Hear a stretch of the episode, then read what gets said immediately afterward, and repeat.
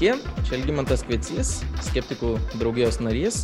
Šiandien a, turim gal tokį gal netradicišką pokalbį skeptikų a, bendruomeniai. A, kalbėsim apie smurtą, apie seksualinį smurtą. Tokia seksualinis smurtas, bet ne pati seksualiausia tema tikrai. A, ir nežinau, kaip man seksis prieiti prie šitos, prie šitos temos a, ir kaip išgvildenti. A, šita tema, manyčiau, yra, e, turėtų būti įdomi skeptikų bendruomeniai tam, kad iš tikrųjų, bent jau kiek aš su ją susidūręs, yra stipriai susijusi su tam tikrais mąstymo modeliais, kuriuos mes pastebim, tarsi įvardijam, jie gal sunkiai keičiasi ir jie atrodo tarsi turi gana nemažą tą įtaką, kodėl mes taip vienaip ar kitaip elgiamės ir susidurėm su tokiom E, asmeniškom ir visuomenės problemom.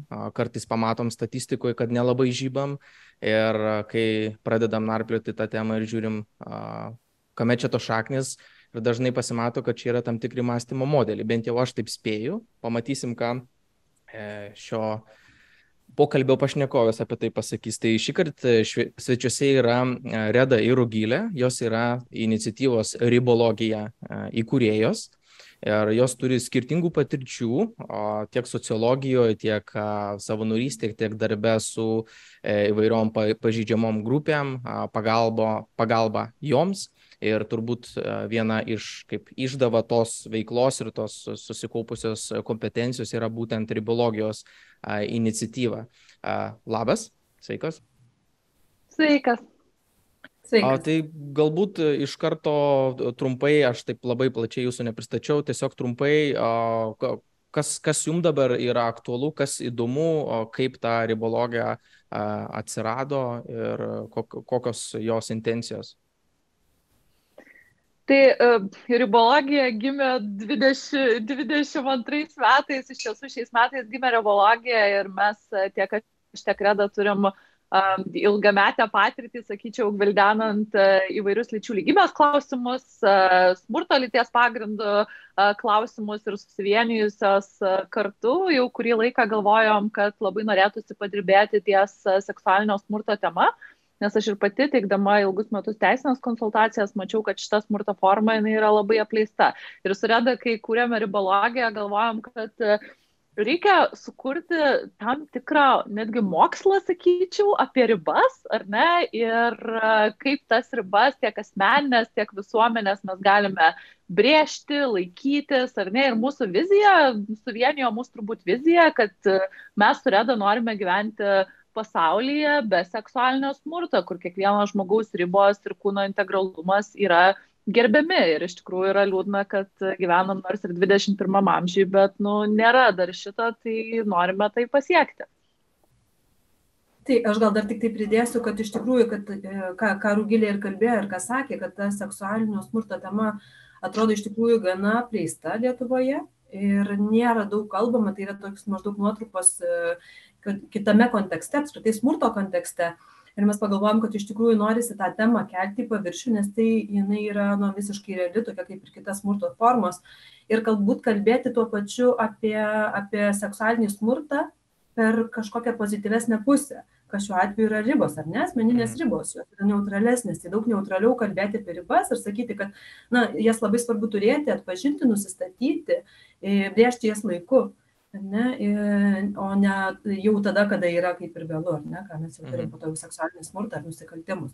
Tai mes tiesiog nusprendėm, kad verta kalbėti ir apie tai dar anksčiau, pristatant pačias ribas ir kad nu, čia yra tas dalykas, apie ką reikėtų kalbėti, kalbant apie seksualinį smurtą taip pat. Mhm. O ar aš gerai suprantu, kad e, jūs matot naudą tam atskirime, nes kaip yra įvairūs terminai kaip smurto kultūra, aplamai toks a, smurtiniai santykiai ir panašiai, nebūtinai seksualiniai santykiai. A, a, e, ar jūs matot naudą tame išskirimo, tame supjaustimo, kad jūs kalbėsit apie tą a, temą būtent iš seksualinio smurto a, perspektyvos, ta prasme, o ne iš smurto aplamai, kad tai kažkokia didesnė nauda, ar kad ten opesnės problemos yra, ar čia yra kažkame šį čia naudos tos, kurią jūs matot? Taip, iš, iš, iš principo tai tikrai labai matom naudą, nes aš ir pati daug metų kalbėdama apie smurtą pamatėm, kad kai mes kalbam apie smurtą kaip apie reiškinį, pradedant nuo smurto lyties pagrindų, einant prie smurto artimojo aplinkoje ir kitų formų, iš tikrųjų visos formos, tiek fizinis, psichologinis, seksualinis, jos visos kaip ir uh, nu, va, varžosi dėl dėmesio tam tikrą prasme ir seksualinis smurtas buvo tokia viena iš apleiščiausių formų. Pradėkime nuo to, kad su Reda pradėjusios pradėjom nuo A, kaip ir kiekvienam mokslė nuo žodino, tai net ir žodyną mes turėjom verstis, mes, negali, mes negalim kalbėti apie šitą temą, apie seksualumą apskritai, juo labiau seksualinį smurtą, nes mes neturim žodyno. Didžioji dalis terminų yra e, anglų kalba, ar ne? Tai mes pradėjome nuo žodyno kūrimo Ir kaip dabar keletą buvo jau ir skandalų ir Lietuvoje, ir su būdžiamojo kodekso pataisom pamatėm, kokia situacija yra visuomeniai ant kiek mes neturim tų terminų, ant kiek mes nesame įpratę apie tai kalbėti, tai iš tikrųjų pamatėm labai būtent didelę vertę imti atskirai šitą temą ir gilintis. Ir iš pradžių pačios galvojom, kad gal čia, čia siauriau, kaip palyginant, tai sakai, gal reikia plačiau imti, bet kuo daugiau gilinėsi, tuo supranti, kad šita tema yra tokia plati, jinai yra beprotiškai plati, kad ir kokią temą be paimtum, nes mes, mes galime imti seksualumą ir seksualinį smurtą, tarkim, artimoje aplinkoje, mes galime imti už artimos aplinkos ribų, mes galime imti apskritai seksualumo įvairias išraiškas, tas pačias ribas ar ne bražytis. Tai šita tema yra labai plati, labai įdomi, e, turbūt įdomiausia yra tas, kad didžiosios dalies informacijos nėra lietuvių kalba. Tai mes tokios mm. irgi neriam, ieškom, bandom atrasti rasti, darom vertinius žodžių, kurie dar net atrodo nu, neegzistuoja, ar ne? Tai yra nu, beproto įdomus procesas. Nesiskūskit, nesiskūskit e, labai čia tas, kas ka, į kažkokias tai naujas temas gilinasi, tai visada yra ir toks pat, to, toks pat ja. kelias. labai e, įdomus kelias, mes dėl to turbūt ir pasiemam, kad tai yra beprotiškai įdomu, nes mm. tu mhm. atrandi dalykus ir pagalvoji, va, dar ir šitą galima įdėti, ar ne? Tai va tas įdomus procesas, nes vienas iš dalykų, kuris mus turbūt ir suvienijo, tai yra kūryba ir noras kurti, ar ne? Ta mhm. kūryba ir, ir pasižiūrėjimas skirtingais, skirtingais kampais į tam tikrą reiškinį. Į tą pačią problemą jie matyti truputėlį kitaip. Aš tai dar pridėčiau iš, iš tiesų, kad, kad tikrai verta atskirti tą problemą, ne? nes kiekviena problema nu, skiriasi, turi savo specifiką ir norint ją geriau suprasti ir pažinti, tai reikia pažinti tą konkrečią problemą, o ne bendrai. Tai, prasme, bendras vaizdas visą laiką yra svarbus, jį reikia turėti, bet labai svarbu žinoti ir konkrečias detalės, ar ne, kas vyksta, kaip vyksta, kodėl vyksta. Tai irgi labai svarbu norint spręsti tą problemą ir keisti situaciją. Tai čia mhm. šitoje vietoje dar tiesiog noriu pridurti, kad man atrodo tikrai yra labai svarbu atskirti.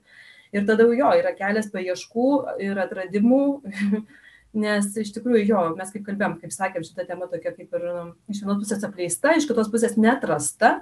Tie patys terminai, kurie keičiasi ir kinta, jų daugėja. Iš tikrųjų, tai tarkim, jeigu žiūrint pasaulio lygą, anglų kalbą, tų terminų daug kai kurios net, nu, tikrai negirdėjom, jau nekalba apie vertimą, kurio tiesiog nėra. Bet jūs tą, tą, labai e, akcentuojat kažkodėl. Jūs turit omeny, kad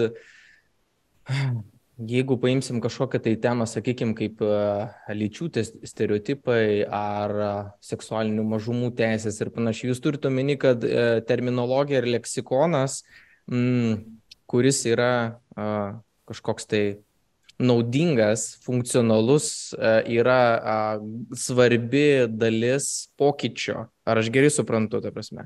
Nu, kaip pavyzdys, sakykime, uh, turime kažkokias nusistovėjusias frazes, kurios yra, sakykime, kažkokios tai tokios gal purvinos, suterštos, pernaudotos, uh, turinčias kažkokias kanotacijas neigiamas arba pripildytas kažko ir tada mes atnešam kažkokį naują terminą, sakom, kad ne, ne, ne, pažiūrėkit, šitas dalykas yra uh, E, tas pats iš esmės, bet mes imkim ir pradėkim jį vadinti taip, nu, pavyzdžiui, kaip e, invalidai ir neįgalėjai, pavyzdžiui, ne, nu, kaip e, pavyzdys galbūt aš man pirma, pirmas į galą šaunantis, ne, kuris pakeičia duoda galimybę pripildyti naują terminą kitokiom kanotacijom ir tada galima važiuoti pirmin a, su kitokia prieiga. Nu, čia tas pats turbūt ir seksualinio smurto temoje yra, a, nes a, ta, tema, kaip aš, aš savo nejautrę vyrišką kalbą iš karto pasakiau, kad tai neseksuali tema, turbūt pažydžiu visus E, visus e, kanonus, bet čia yra mano nejautrios kalbos e, išdava,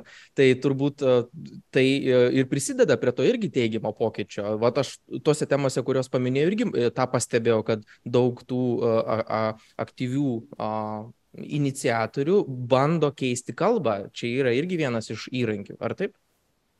Bet mes kalbos iš tikrųjų, mes dabar gal net ne visai apie tai kalbam. Kalbos kaip ir keisti, mm, ne, ne, ne, ne, ne, kaip ir ne, nesiūlom ir nemėginam. Mhm. Bet tiesiog yra terminų, kurie yra maišomi, tai reiškia, nėra atpažįstami. Tai reiškia, žmonės nesupranta, apie ką yra kalba. Mhm nes kaip tu galbė, gali kalbėti apie kažką, ko tu nežinai, arba tu maišai su kažkuo, reiškia, tu nesi tikras to savokos reikšme, tai jau yra kaip ir problema, ne apie ką mes kalbam, nes norint susikalbėti, reikėtų turėti bent bazinės savokas kažkaip labai aiškiai išreikštas, ar ne kitaip, apie ką mes kalbam. Tai jau šitoj vietoje atsiranda problema.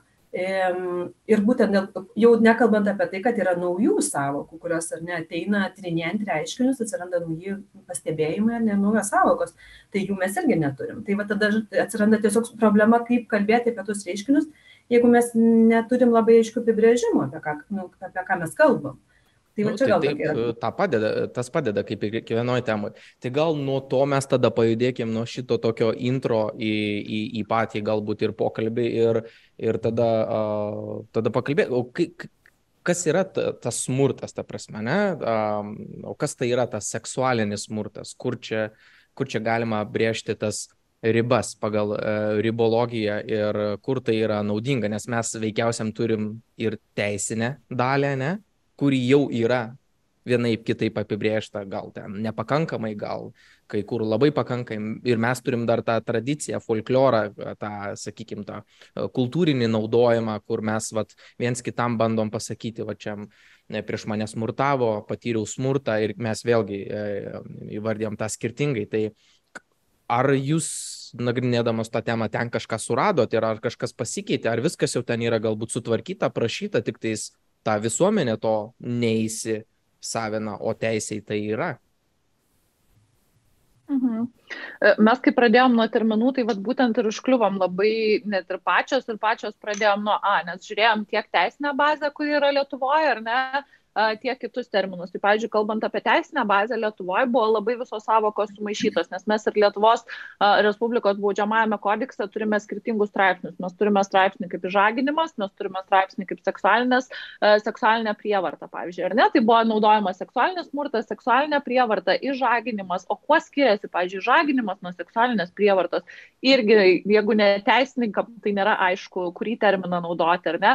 O tai kaip dabar seksualinis smurtas koreliuoja su smurtu? lyties pagrindu, ar ne, kokios seksualinio smurto formos apskritai, e, apskritai yra. Tai mes apsibrėžiam, pasiemėm seksualinį smurtą kaip bendrą tokį bendrą burbulą, ar ne, ir išsikategorizavom į skirtingom kategorijom. Tai yra, pavyzdžiui, seksualinis smurtas artimoje aplinkoje, seksualinis smurtas už artimos aplinkos ribų, ar ne. Pradėjom skirti tam tikras kategorijas, tam tikras rušis ir kiekvienoje iš toj rušy arba kategorijoje mes jau irgi tam tikras savokas pradėjome nagrinėtis. Ir čia pastebėjom tokių um, irgi įvairių įvairių įdomių dalykų, kad pavyzdžiui Lietuvoje vėlgi, kaip Rėta minėjo, neturime tam tikrų savokų, angliškai yra sexual assault, ne, viena iš savokų, kurių mes taip ir neišsišifravom Lietuvoje, kaip, kaip ją atskirti ar ne, ir šito termino neturime. Ir iš principo skirtingi terminai baudžiamame kodekse reiškia skirtingus išprievartavimo, išprievartavimo būdus, ar ne, ir ta mhm. prasme, kaip išprievartavimas yra, kaip išprievartavimas yra daromas. Ir tai, kas yra dabar Lietuvos baudžiamoji teisė, tas reguliavimas jau yra netgi ganėtinai uh, pasenęs ir pasakysiu vieną paprastą pavyzdį, nu, kad nu, klausytojams būtų apie, apie ką jūs ten, ką jūs ten suradot? Aš mėgstu prak, praktinius pavyzdžius, kad būtų aiškiau. Tai uh, vienas iš tokių praktinių pavyzdžių, kad uh, yra vienas straipsnis įžaginimas, ar ne, tai reiškia seksualinį prievartavimą vaginaliniu būdu. Ir kitas straipsnis yra seksualinis prievartavimas, ar ne, kas reiškia visi kiti išskyrus vaginalinius būdus, ten oralinis, analinis ir panašiai. Ir pavyzdžiui, kodėl tas reguliavimas yra pasenęs? Dėl to, kad yra numatoma skirtinga baudžiamoji atsakomybė. E, jeigu mes kalbam apie nepilnamečius asmenis ir mažamečius asmenis, tai jūs įsivaizduokit, ką sako mūsų baudžiamasis kodeksas. Sako, kad e, berniukas nepilnametis arba mažametis, kuris buvo išprievartautas, ar ne, e, už tai bus lengvesnė atsakomybė negu už išprievartautą mergaitę. Tai yra nu, visiška, visiškas absurdas ir nesąmonė. Ar, tokia, ta, ar aš gerai supratau, to paties amžiaus mergaitė ir berniukas, Taip. jeigu juos išprievartautų, Taip. būtų uh, skirtinga Taip. teisinė atsakomybė? Taip, dėl to, Bet kad pasitikslinsiu, turim... ar įvykus e, kažkokiems tai realiems nusikaltimams ir buvo pritaikytos uh, kada nors skirtingos uh, atsak, nu, ta prasme, tuo remiantis. Ar čia yra ne, tai tokia yra, klaida palikta? Ir, ir, ne, yra čia, čia tiesiog yra tokia norma, kad jeigu mes kalbam apie saugusius asmenis ar ne, ir numato bausmę ten iki septynių metų, bet pavyzdžiui, mhm. jeigu paimtumėm įžaginimą, kas, nu, realiai va, tik vaginaliniu būdu, tai, nu, ak, akivaizdžiai ar ne, su to gali susidurti tik mergaitės. Tai pavyzdžiui, um, tiesiog, kad uh, tiksliai, tiksliai pacituočiau, jeigu yra uh, nepilnametis asmuo vaginaliniu būdu įžaginimas, tai yra nuo 3 iki 10 metų laisvės atėmimas, mažametis nuo 5 iki 15. Dabar žiūrim į kitą straipsnį, ar ne? Jau ne vaginaliniu būdu, tai jau mes turim ne nuo 3 iki 10, o nuo 2 iki 10, ar ne, tai metais mažiau. Ir nebe nuo 5 iki 15 mažamečio, o nuo 3 iki 13 metų. Ir čia yra tiesiog šita norma, dėl to mes ir kalbame apie reikiamus pokyčius. Šiaip ir tokius dalykus tu analizuodamas turi. Nu... Kaip, kaip reikėjo tas skirtingas normas priimti, sėdėjo ir galvoja, gal čia skaistybės. Uh, skaistybė kažkokia tai brangesnė šiuo atveju ir čia reikėtų biški metelį pridėti kažkoks kosmosas. Čia, čia gal skaistybė, bet gal ir apskritai, ar ne, kiek, kiek informacijos turi apie lytinį gyvenimą ir būdus, čia turbūt, nu, nu tiesiog, netradiciškai labai imti ir labai galvoti tai tradiciškai. Išprievartavimas tai yra įžaginimas, realiai, va tas terminas, ir tada yra tik tai vaginaliniu būdu. Kitu atveju, tarsi ar ne, Tai galime vėlgi, čia, čia vienas dalykas, kad, kad pagal lytį galime žiūrėti, bet galime žiūrėti ir tai, kad nu, pagal būdą, ne, aš nežinau, ar, tarkim, išprievartavimas oraliniu būdu bus mažiau, um, sakykime, mažesnės pasiekmes turės žmogui negu vaginaliniu būdu, ar, tarkim, ten analiniu būdu, ar ne. Tai čia tiesiog yra irgi... Nu, turbūt tikra... net ne mum atsakinėti tą klausimą. Net ne mum atsakinėti, iš tikrųjų. Kiti specialistai, kurie galėtų pasakyti. Taip, taip, bet jeigu kalbant ir, tarkim, komentuojant pačias pasiekmes, ne, jeigu mes kalbam apie fizinės pasiekmes, apie psichologinės pasiekmes, tai e, ypatingai, ne, mes negalim pasakyti, kad vaginaliniu būdu išprievartautas žmogus turės, patirs didesnės pasiekmes negu, tarkim, analiniu. Ne? Nu, ir čia yra kritinė. Gal tai mažesnė, mažesnė, tarkim, jeigu kalbant, ar ne, vertinama. Tarsi, tai kad... aš, aš galbūt e, o, geri pavyzdžiai, bet, sakykime, kokią išvadą, sakykime, iš, pačio, e, iš, iš to, ką jūs sakėte. Ar aš gerai supratau, kad teisiniai, jeigu kal, nekalbam apie fol, folklorą ir, ir, ir visu, visuomenės stereotipus ir nuostatas, teisiniai bazė yra nemažai konfuzo tarp terminų vartojimo girdžiu atsakomybės teisinės už skirtingus seksualinius nusikaltimus. Kokias dar stambesnės kategorijas galėtumėte apibriežti e, to e, nu, neproporcingumo teisinio kažkokio tai e, teisinių klaidų įsivėlus ir panašiai, kurias jūs pastebėjote, kurios vat, neleistų teisingai sureaguoti ir įgyvendyti teisingumo tam tikrų atvejų?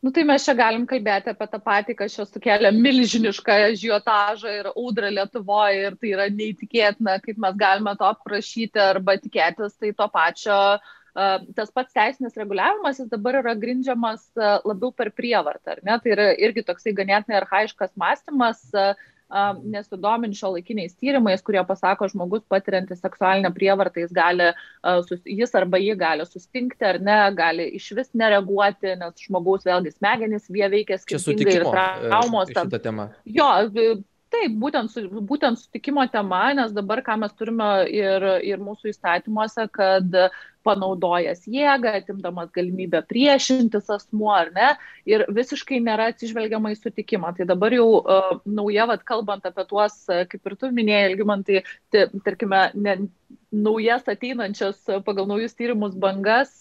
Yra daug sutikimų grįst, grindžiamo reguliavimo. Ir štai yra, jinai gyvena Ispanijoje, ar ne? Ir Ispanija jau padarė tai. Tai nebuvo lengvas kelias, bet Ispanijoje niekas nesugriuvo, kaip pas mus dabar Lietuvoje kalba, jeigu bus įdėtas sutikimas, tai bus panaikinta nekaltumo prezumcija. Ne? Ir dabar staiga tada vos neįsivaizduoja žmonės, kad aš paskambinsiu, pasakysiu policijai, kad mane išprievartavo be mano sutikimo, ir tada viskas, tas žmogus keliauja į, į kalėjimą ten nuo iki septynių metų. Nu, ne taip yra ir nieko negali pasakyti, nevyksta jokie teisiniai procesai, kaip įrodymas tas sutikimas. Tai Ispanijoje, kurioje tas veikia, nei buvo panaikinta ta nekaltumo prezumcija ir viskas veikia. Tiesiog žmonių sąmonėje keičiasi, kad ne tik, kai žmogus fiziškai priešinasi, okay. gali tas būti, bet ir kai nėra Taip. sutikimo. O, ok, gerai, kadangi tu tą paminėjai šitą aspektą, tai iš karto pabaigim, pabaigim su šituo ažiotažą su, sukėlusią temą.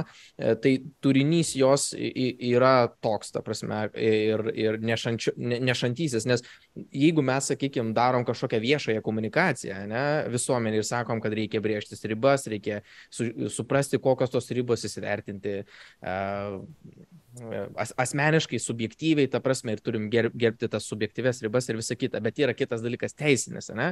Ir čia turbūt pasipylė iš karto interpretacijos, tai kaip čia su tais sustikimais, lapeliais, ta prasme, ten vemti e, vertę nuo, to, nuo tų postų, ta prasme, kažkoks visiškas nesusipratimas, ta prasme, kaip, tai kas ten per tas reguliavimas, kokios jo galimos implikacijos ir ar tikrai tų raštelių nereikės, nes aš irgi šiek tiek sunerimau. Ne, tai raštelių iš tikrųjų ne. Yeah. Taip, taip, taip kad raštelio nereikės, tai tikrai tai ne, ne, ne tame buvo. Čia iš tikrųjų buvo tikrai didelė dezinformacija. Žmonės tikrai aiškiai, nu, vat, parodė, ar ne, ta komunikacija viešoje erdvėje parodė, kad žmonės tikrai nesuprato nei kas tas sutikimas, nei kaip tai turėtų atrodyti. Tai nereikia nei raštiško sutikimo, tiesiog, ar ne, kad e, keičiasi, keičiasi pats požiūris. Jeigu dabar, tarkim, baudžiamajame kodekse yra kalba e, apie tai, kad seksualinis išprievartavimas yra tada, kuomet kažkaip privertimas ar ne, kuomet e, auka priešinasi, nesutinka, kažką daro, ne, tai tai tarsi yra apverstas variantas, kad ne visada auka gali priešintis, ne visą laiką jinai priešinasi. Ir tiesą pasakius, statistika rodo, kad didžioji dalis e, seksualinį išprievartavimą patyrusių asmenų nesipriešina. Jų vienas pasipriešinimas buvo maldavimas nedaryti, maldavimas sustoti, prašymas ar ne. Tai nėra aktyvus priešinimasis, grumimasis ar ne, kurį galbūt lengviau įrodyti, taip bet jis ne visą laiką yra galimas tiesiog dėl to, kad žmonės skirtingai reaguoja. Ne? Tai va tas, e, tas, kad sutikimas yra, turėtų būti kaip ir vienintelė sąlyga, nelaisvas, sąmoningas sutikimas, tai yra labai labai svarbi ypatingai tokiais atvejais, kai kalbam, kada įrodyti, tarkim, to pasipriešinimo negalima, arba kada, kada auka buvo apsvaiginta, jeigu kalbant apie tos pačius um, e, išprievartavimo narkotikus, ar ne, kada arba alkoholį, tiesiog elementariai alkoholį, arba kada žmogus negali duoti sąmoningo sutikimo, ne, tai čia yra labai svarbus faktorius, ar ne, kad jeigu tu gali įrodyti, kad tu e, negalėjai priešintis, nes tiesiog nebuvai be sąmonės, tai ar ne, tai nu, keičia pačią situaciją labai stipriai. Mhm.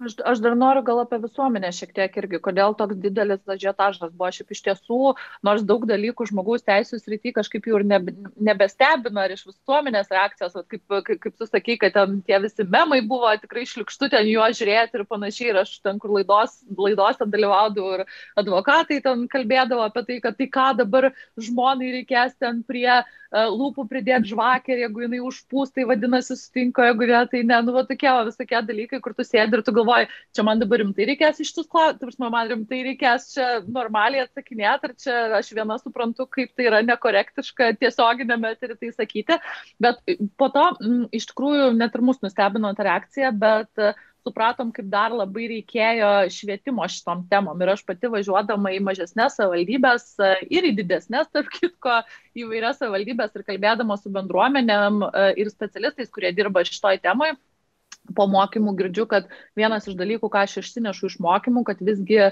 nėra pareiga mylėti su savo antra puse, ar tai yra vyras, ar tai yra moteris, jeigu tu to nenori. Nes aš kaip paklausiu, pakelkite rankas, kas yra mylėjęs su savo antra puse, kai to nenorėjo, tai žmonės pradeda, jie ne tai, kad nesutrinka, jie pradeda juoktis ir sako, o tai kas nėra.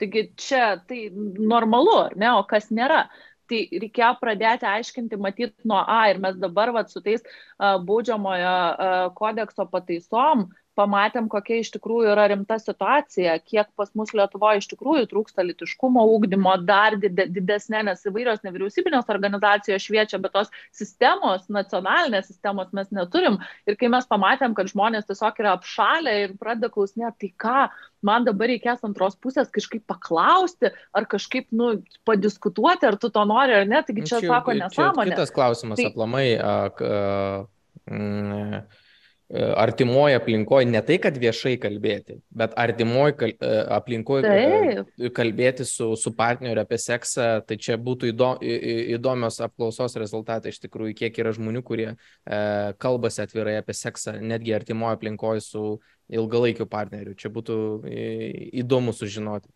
E, bandau, bandau prezumciją spėti. Galbūt jūs kažką apie tą žinot?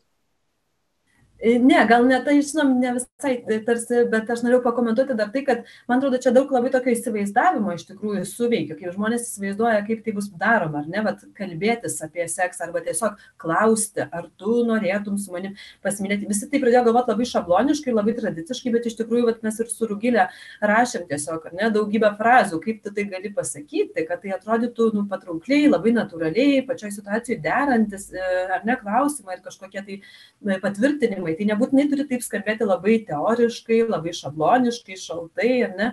Tai gali būti tiesiog iš tikrųjų dalis, dalis e, bendravimo ne, ir santykių. Tai čia tiesiog turbūt žmonės e, pagal save kažkaip įvertino, gal mhm. aš nežinau.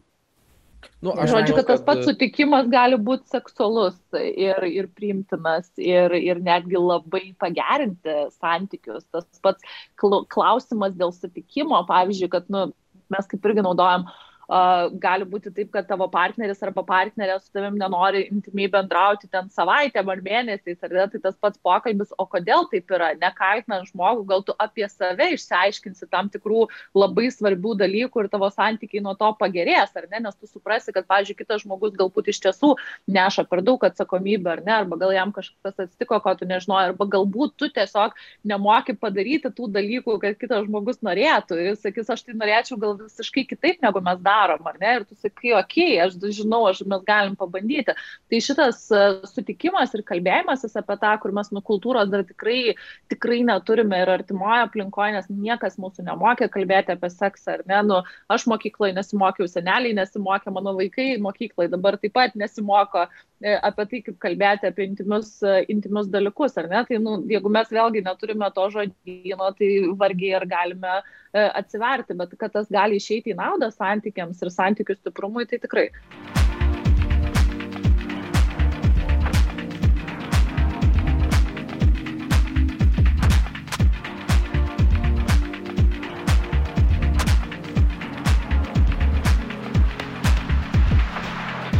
Tai pakalbėjom šiek tiek apie jūsų iniciatyvą, apie seksualinio smurto konceptą, šiek tiek apie teisinę bazę, galbūt e, tikrai nedaug, bet e, kaip, kaip aš suprantu, ten tikrai yra ką, ką taisyti, kad aiškumas būtų didesnis, apsauga didesnė ir, ir visom pusėm būtų e, nuo to geriau, bet aš e, šitam podcast'e vis tiek daugiau norėčiau galbūt apie patį e, tą kon, konceptą ir iš esmės apie seksualinio smurto tą mm, kilmę tam tikrą, priežastingumą tam tikrą irgi šiek tiek pašnekėti, nes tai yra nu, fundamentaliai įdomus klausimas iš tikrųjų, ar čia mes esam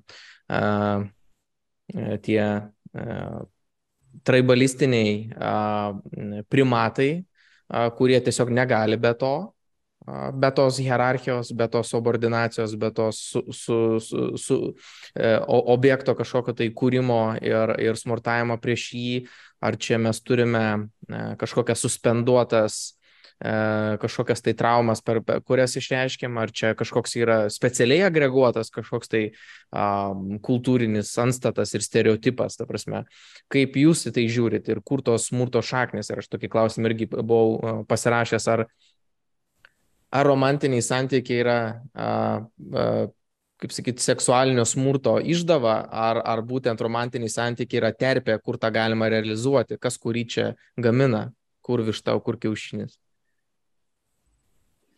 Labai geras klausimas, iš tikrųjų, kur višta ir kur kiaušinis. Aš sakyčiau, kad iš tiesų seksualinio smurto pagrindinė pagrindinė priežastis matyt slypi dar prieš romantinius santykius, ar ne, romantiniai santykiai aš matyčiau daugiau kaip terpę, kuriame jis plyti, galbūt statistiškai, statistiškai labiau negu už artimos aplinkos ribų, ar ne, tačiau jeigu žiūrėti į tai, kodėl yra naudojamas seksualinis smurtas, tai jis yra naudojamas būtent dėl labai daug dėl lyčių stereotipų ar ne? Lyčių neligybės. Tai seksualinis smurtas visais laikais iš principo nu, nu, nuo, nuo senovės iki šių dienų yra naudojamas kaip ginklas įgauti, įgauti galę ir kontrolę kito žmogaus atžvilgiu, ar ne, kad kitas žmogus negalėtų daryti tam tikrų, tam tikrų dalykų, pakirsti pasitikėjimą savo jėgomis. Ir anksčiau, jeigu mes kalbam apie tuos senesnius laikus, ar ne, tai žmonės elementariai neturėjo tų įgūdžių bendravimo, ar ne, ir buvo labai paprasta tiesiog eiti rimti, ką tu gali, ar ne, ir ypatingai,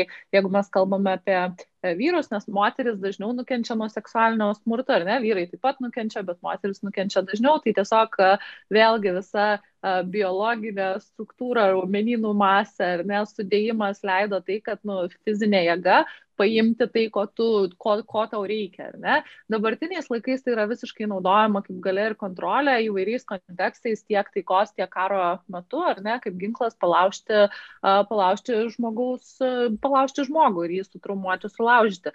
Jeigu žiūrėti į romantinius santykius, tai iš principo... Mm, iš principo e, statistiškai ir žiūrint į tikimybių teoriją, tai didesnė tikimybė, ir čia jau nuo 96 metais Lietuvoje viktimologinio tyrimo, kurį atliko Gedrė Purvaneckienė, e, aš su ja kalbėjau ir sako, žinai, Rugilė buvo labai įdomu, nes tuo metu, kai atlikau tyrimą apie smurtą artimoje aplinkoje, tai didesnė tikimybė moteriams, sako, buvo nesaugiau namuose negu gatvėje.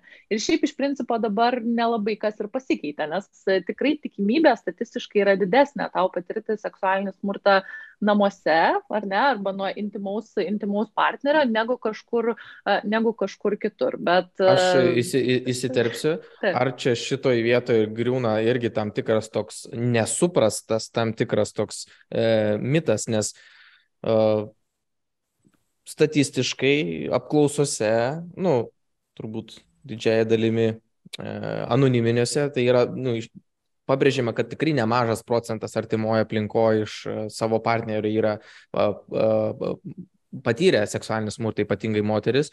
Ir tačiau e, tas vaizdinys piešiamas yra toks tarsi tas seksualinis smurtas tyko būtent tose diskotekose, tos, toj gatvėje, E, toj kažkur tai kažkokio to išorinė aplinkoje, tarsi vat, tas seksualinis smurtas tarsi ten, ten tvyro, o šeimoje vat, jau ten e, nėra to smurto, yra ten kokia tvirta ranka, pavyzdžiui, ten, ar, ar kažkas panašaus, bet jau to smurto nėra. Ar šitas stereotipas e, čia tiesiog ryšasi ir jis gajus yra ir jis tokią, kaip sakyt, funkciją atlieka?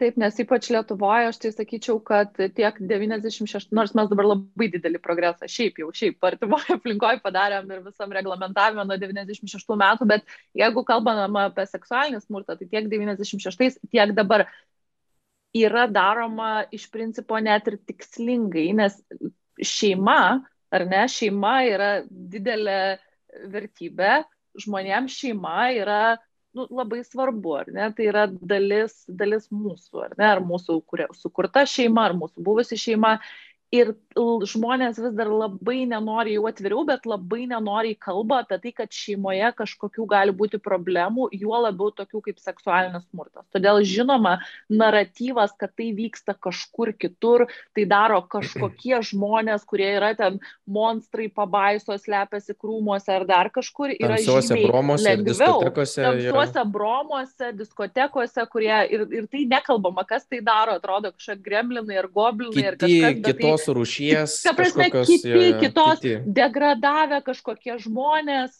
tikrai ne mūsų va, išpuoselėtos šeimos, šeimos nariai. Ir tas naratyvas, tas šeimos apsaugos naratyvas, viskas, kas yra susijęs su žodžiu šeima, santoką paimkim, ar ne, tai yra nu, vis dar matoma kaip šventas dalykas, kur negali būti jokių blogų dalykų ar neigiamų dalykų. Tai aš numatyčiau tikrai tą problemą, nors nekvestionuojam, aišku, ir to, kad nu, nenurašom, kad tikrai tose pačiose, vat, kaip algymam, tai sakai, diskotekose nevyksta, ar ne, reda, tu čia. Jo, šaržuojant, sakau, ta prasme, tai gali vykti visur. Prisimeni, bet... kad visur, bet tik ne šeimoje. Mes gal pavadinkim taip, kad visur mm. tik, tik jau ne šeimoje, nes šeimoje yra kažkas kito. O yra atvirkščiai pagal statistiką, kaip sakote. Tai. Statistika tai iš tikrųjų, tarkim, vienas dalykas, ką rodo, tai virš 40 procentų net pažįsta e, seksualinio smurto šeimoje. Ta prasme, mano, kad mylėti su savo vyru ar su, su savo žmona yra pareiga. Tai reiškia, net pažįsta. Tai nėra smurto forma, dėl to jinai nėra niekur kaip ir aiškiai išreikšta. Mm. Statistika taip pat kalba, kad ES, tarkim, daugiau negu 50 procentų, taip, 53 gal procentai ar netgi daugiau yra e, artimoje aplinkoje arba su gerai pažįstamu asmeniu turiu omeny kad tai nebuvo šiaip vieną kartą matytas asmuo bet tai yra koks nors kaimynas arba kur dažnai mataisi ten ar draugas ar ne ar sugyventinis ar kambariokas ar ten kažkoks tai tai žodžiu virš 53 procentų asmenų patyrusių seksualinį smurtą patiria būtent e, su gerai pažįstamais asmenim. Jau nekalbu apie tokius, tarkim, ar ne, ką mes kalbam bare, tai tų situacijų irgi yra. Filmuose, kas yra rodoma, tie krūmai, tiesiog, na, tai yra filmas, ar ne, negali rodyti kasdienių situacijų, turbūt, kurios yra nuobodžios, ten namuose, ar ne. Gali, bet jo, čia yra sudėtingiau ir nedaug įdomiau, jeigu norit padaryti trilerį gerą, tai tikrai krūmai, tamsa, peilis ir ten visa kita, ne. Tai, tai tiesiog turbūt dėl to yra gerokai patogiau. Tai aišku, tas, ta, ta žiniasklaida, sakykime, ne tik žiniasklaida, bet ir pati, patys filmai, neformuoja tą požiūrį. Ir tas smurto forma, seksualinio smurto forma atpažįstama labiausiai, ne, nes tada tikrai labai aišku, neužpuolė, grūmėsi, peilis, tamsa, krūmai. Nu, čia tiesiog, ar ne? Tai yra labai labai lengvai atpažįstama. Kitu atveju yra gerokai sunkiau arba įrodyti, arba pati situacija nebuvo labai gerai atpažįstama, tai ką mes matom kasdienybė, ar ne, kad sakytume, taip, tai yra smurtas ir taip tai buvo, ar ne. Nu jo, jūs kaip dabar dar paminėjote, taip atrodo gana toks, nu, akivaizdus vaizdinys, kai tu turi tiek medijos, kuri e, daro tą portretą seksualinio smurto tokį labai jau tokį... E, Agresyvų. Jo, aišku, tokį staigų, greitą, e, kažkokį tai nepažįstamojo ir taip toliau, tai jeigu tu, sakykime, mes esam... E, toj media kultūrai, kuri tai piešia, tai ta prasme mes tą uh, fenomeną taip ir įsi savo ir nus, nusipaišom ir kada pamatom tą fenomeną kitokiam uh, pavydale kažkokiam tai, kuris trunka, pavyzdžiui, 20 metų, uh, kuris yra iš artimo žmogaus, kuris yra visiškai kitokiam formate, tu, tu ne, ne, nesupranti, kad tai yra vienas ir tas pats galbūt kai kuria prasme, tai, gal, tai galbūt prisideda. Ir netgi dar, dar aš dar gal netgi pridėčiau prie to, ar ne, kad, e, tarkim, aukos kaltinimas. Ir jeigu įsivaizduokit situaciją, net nebūtinai 20 metų tai yra viena situacija, bet tai galėtų būti ir trumpesnė situacija, kad, tarkim, na, aš susipažinau su, ten, nežinau, naudojusi Tinderiu ar dar ką nors, ar nesusipažinau, nuo jų pasimatėme, mes kartu išgėrėm, o mes gal kartu į barą nuėjom. O gal mes ten dar daugiau išgėrėm ir mes bendravom ir visi matė, kad mums buvo labai smagu ir labai fainai ir staiga aš nieko neatsimenu. Bet atsikeliu arba atsimenu kažkokius ar ne e, tiesiog elementus, kad gal nenorėjau, negalėjau, nežinojau. Ir ta situacija, aš nežinau apie tokį nusikaltimą, ar bus pranešama, nes mes dar turime labai daug aukos kaltinimų, ar ne, tai kuo buvai apsirengusi, kaip atrodai, mm. kas tau ten nutiko, ar nes pati ėjai, pati dalyvavai. Nu tai čia tada tiesiog yra dar sudėtingiau, kaip yra. Net tų situacijų tokių yra daug. Ir tų gerai atpažįstamų, ką mes kalbėjome, ne filmas smurtas ir ten tamsa, tai uh, nors ir gerokai rečiau, bet, sakykime, jos na, vizualiai aiškesnės yra. A, aš tokį klausimą buvau pasirašęs apie uh, tipinį uh, seksualinio smurto uh, aukos arba nukentėjusio žmogaus portretą, ta prasme.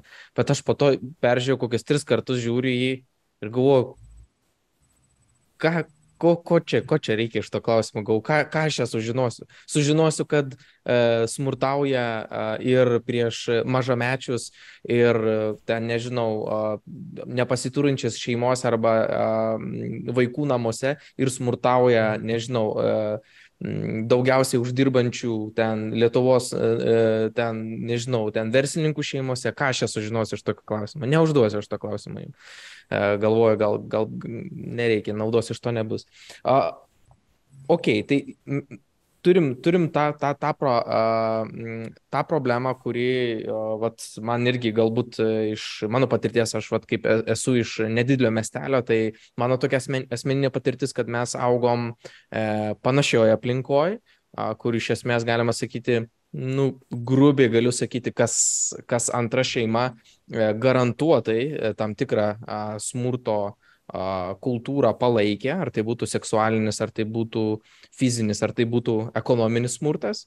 Ir tuo metu atrodė tai tiesiog kažkokia tai būvis to, to, to, to gyvenimo, dabar tai yra sunku, sunku įsivaizduoti ir sunku labai prisiminti. Bet dabar mūsų, mūsų tie arhaiški kūnai, ne, tie visi mūsų hormonai, mūsų, mūsų valdantis, taip nesikeičia mūsų biologija taip greitai, o tas kultūrinis anstatas ir tos normos a, keičiasi gana sparčiai iš tikrųjų. Ir a, nenustepčiau, kad čia yra ir tam tikras toks biologinis konfuzas, tam tikras, kai tau yra tam tikri poreikiai, tai, tai angliškai urges, kaž, nu, kažkaip tai operuoti šitam pasauliu, dar turim kažkokius tai media vaizdinius ir, ir štai a, mes susidurėm su a, kažkokiu tai tal, kultūriniu spaudimu gniaužti šitos tam tikrus kažkokius troškimus arba kažkokias tai tas intencijas, kurias kartais, gal, kartais galbūt galima pavadinti natūraliomis.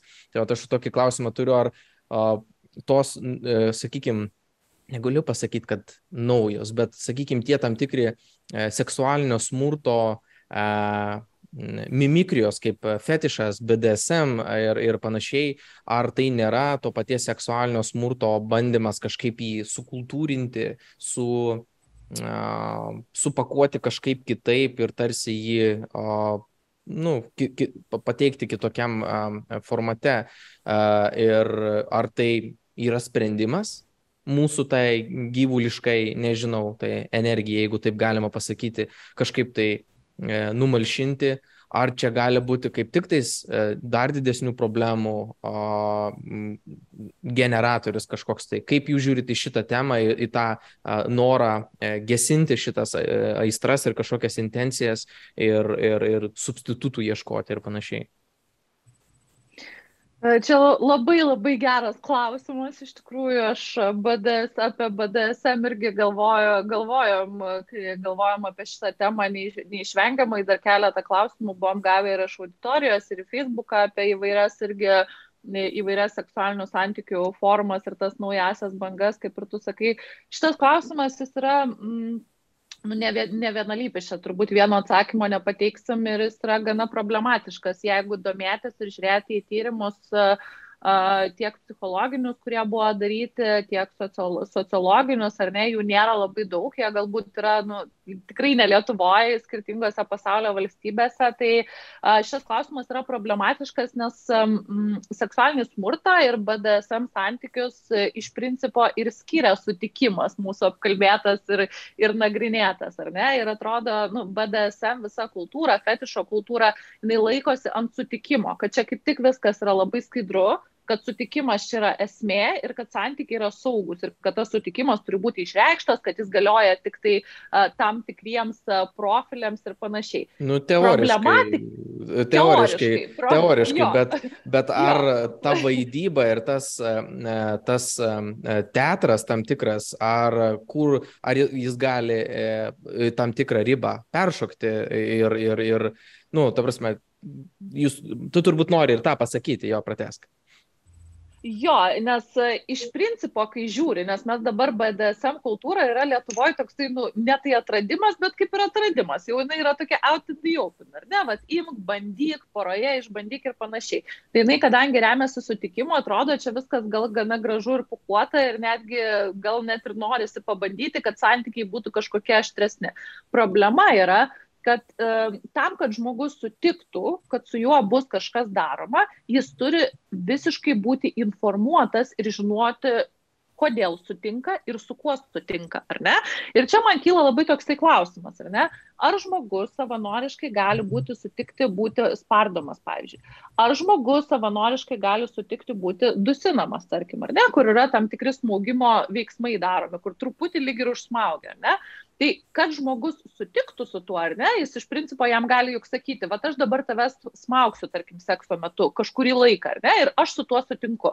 Bet ar kai tu pasakai, kad smauksiu, žmogus žino apie ir yra informuotas apie, pavyzdžiui, smūgimo, kuris daromas periodiškai pasiekmes. Tai yra tam tikrų metų mes esame turėję ir aš praktikoje esu turėjęs tokių smurto artimoje aplinkoje atveju, kuomet yra daromas smūgimas. Ir smūgimo veiksmas jis toksai tu gali ir sąmonės neprarasti, atrodo ir žymių nelieka, bet kai tai yra daroma periodiškai, po to atsiranda labai rimtų medicininių problemų, tokių kaip ir, pažiūrėjau, mm. šlapimo nelaikymas, išmatų nelaikymas ir panašiai.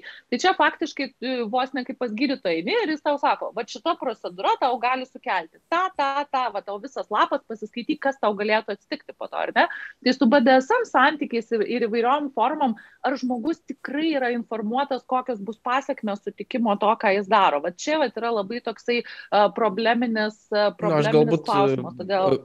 Ver, vertinu, ką tu paminėjai, bet mano klausimas galbūt buvo apie tai, ar uh, tam tikrų ekstremalių situacijų vaidyba, e, negavus sutikimo, bet norint įgyvendinti tą ekstremalų e, kažkokį tai vaidmenį, negali turėti dar didesnių pasiekmių, jeigu tai iš tikrųjų yra kažkoks tai žalojimas, dusinimas arba, nu, tiesiog kažkokie tai, sakykime, veiksmai, e, nežinau, ta prasme, jie, kai nėra sutikimo, jie gali tada, nu, pereiti ir visą kitą lygį, tam tikrą kitą režimą.